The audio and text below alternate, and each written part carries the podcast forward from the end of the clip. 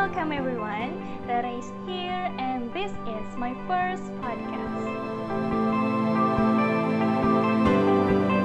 Okay, mungkin karena ini adalah podcast pertamaku, it's better to introduce myself first.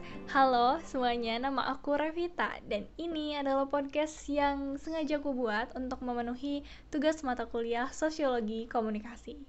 Wow, Sosiologi Komunikasi. Kira-kira kita bakal bahas apa ya?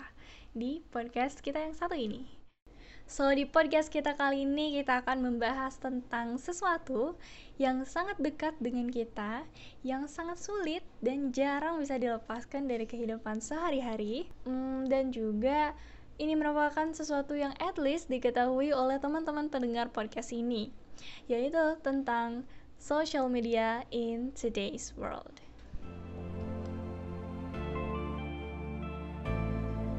Tapi tapi nih teman-teman uh, ngomong-ngomong tentang sosial media rasanya ini udah dijelasin ya sama banyak orang dan ya ini udah bukan sesuatu yang um, unik lagi tapi aku ada satu pertanyaan yang muncul kadang tiba-tiba setiap kali aku lagi scroll Instagram, scroll Twitter, scroll YouTube. Nah, aku kepikiran sebenarnya sebagai siapa sih kita di sosial media? Role kita, peran kita di sosial media yang dilihat oleh orang lain dari sudut pandang orang lain, itu kita sebagai pengguna yang kayak gimana sih? Apakah kita sebagai motivator yang memberikan positive impact, juga ya sering di orang-orang bilang itu sebagai influencer, ataupun kita bahkan menjadi orang yang engage di cyberbully, terus juga malah ikut-ikutan hate speech, tapi kayak pakai akun-akun anonimus ataupun malah kita pengguna sosial media biasa yang quiet, invisible, just an ordinary user gitu.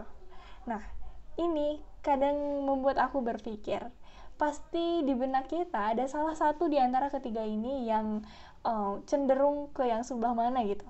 Dan aku jujur merasa cenderung ke yang quiet, invisible, dan ordinary karena siapalah aku di sosial media dan aku hanya ya seorang pengguna sosial media biasa yang tidak ada spesial-spesialnya gitu ya tapi teman-teman um, mungkin kita merasa ya kita user oh, pengguna sosial media biasa, quiet, invisible, dan ordinary yang barusan aku katakan. Tapi mungkin tanpa kita sadar kita juga bisa memberikan um, motivasi, memberikan cerita-cerita yang menginspirasi, dan kadang mungkin jadi influencer kecil-kecilan untuk teman-teman di sekitar kita yang ada di sosial media. Yang artinya bagus dong ya, kita menggunakan platform kita dengan baik. Tapi, yang menyedihkannya dan agak sedikit menakutkannya, kita itu mungkin secara tidak sadar pernah juga menjadi tipu yang pertama barusan aku sebutkan, yaitu engage di cyberbullying, terus juga melontarkan hate speech, dan juga kita berlindung di balik identitas kita di sosial media, anonymous. Pemikiran ini waktu itu tiba-tiba muncul, kemarin tepatnya ketika aku sedang mendengarkan satu lagu yang, oh mungkin bisa nyanyi sedikit kali ya. Oke, okay, pardon my voice, tapi liriknya itu seperti ini. We all pretend to be the heroes on the good side, but what if we're the villain on the other? Nah, jadi kita tuh merasa bahwa kita adalah superhero. We are the hero in the good side. Kita selalu di good side kita nggak pernah kok sampai-sampai melewati cross the line gitu. Cross the line sampai kita engage di cyberbullying ataupun ikut memberikan death treat kepada orang lain. Amit-amit banget ya. Tapi tuh kita nggak sadar maybe in the other side we are the villain. Maybe in the other side kita juga bisa menyakiti orang lain kita bisa tidak sengaja melukai seseorang. Mungkin awalnya kita tuh mempunyai maksud baik, kita ingin membela seseorang, tapi bisa jadi perkataan kita itu akan mempengaruhi orang lain yang kita tidak sadari.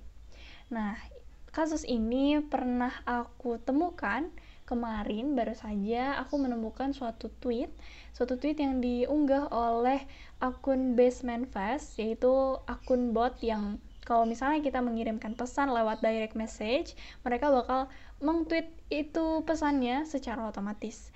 So, tweet yang mereka unggah itu selalu dalam keadaan anonimus. kita tidak pernah tahu siapa yang mengirimnya kecuali base itu yang mereveal ataupun uh, mengungkapkan siapa sih pengirimnya gitu.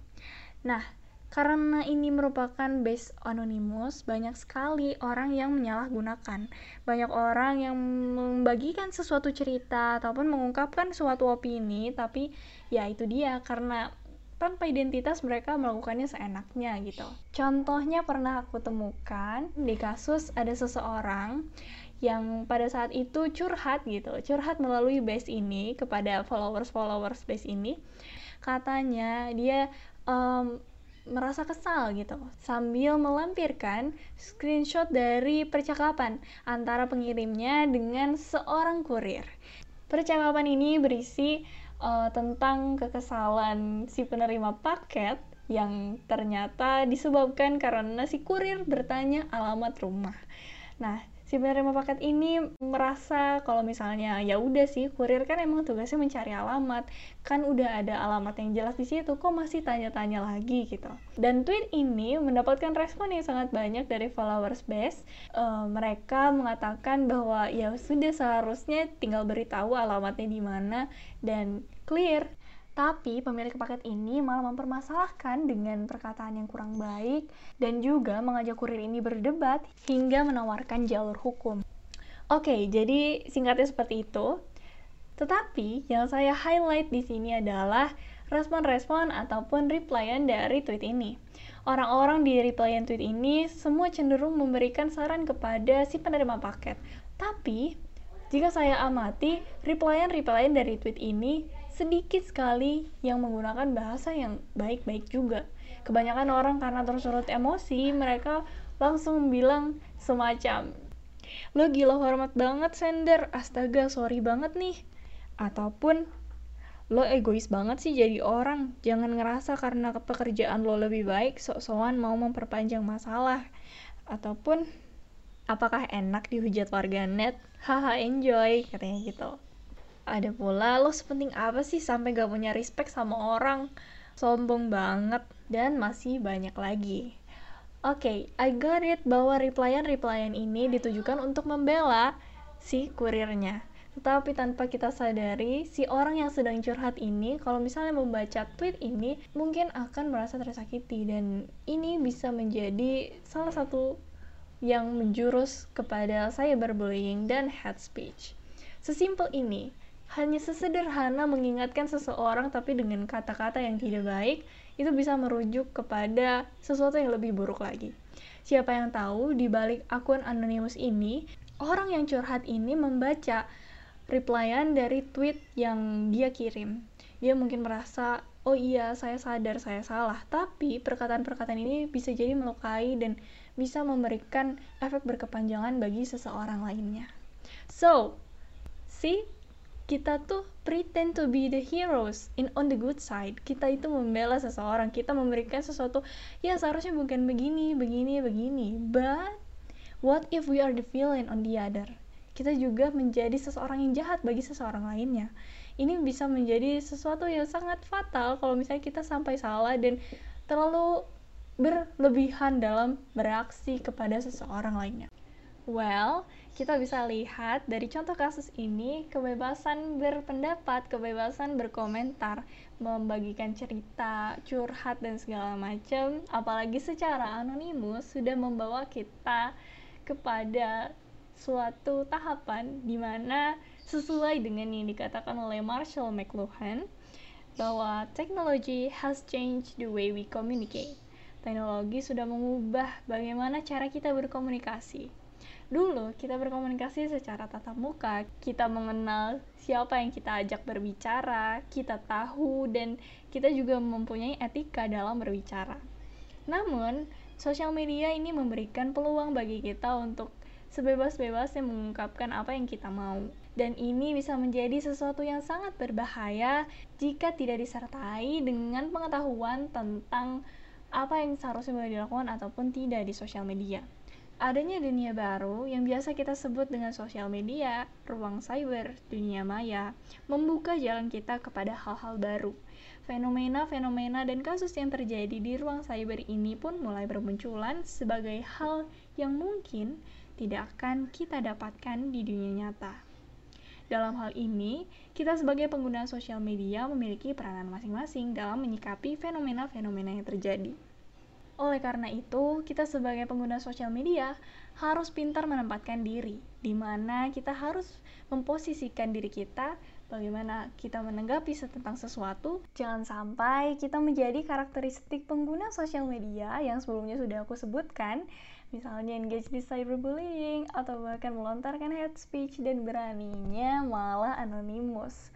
So, itu dia pembahasan mengenai seputar sosial media yang sudah menjadi pertanyaan dalam pikiranku selama ini. We can really fix everything. Kita bisa mulai dengan dari diri sendiri untuk selalu mengingat jangan sampai kita menjadi karakteristik pengguna sosial media yang sebelumnya aku bilang dan we better to understand the situation first. Kita harus mempelajari dulu situasinya seperti apa dan pilihlah kata yang sebaik mungkin jika ingin mengingatkan seseorang lainnya.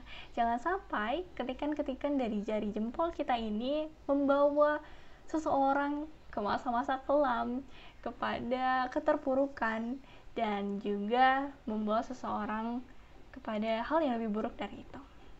Yup, So that's all from my first podcast. I hope it can increase our insight. Semoga bisa menjadi pertimbangan juga bagi kita-kita yang masih sering yang melontarkan sekedar mungkin kata-kata singkat, tetapi kita masih bisa pikirkan lagi. Apakah ini pantas untuk dipublish? Apakah ini pantas untuk dikatakan kepada seseorang lainnya? So, last statement from me, be smart on social media. Thank you. See you on my next podcast. Bye.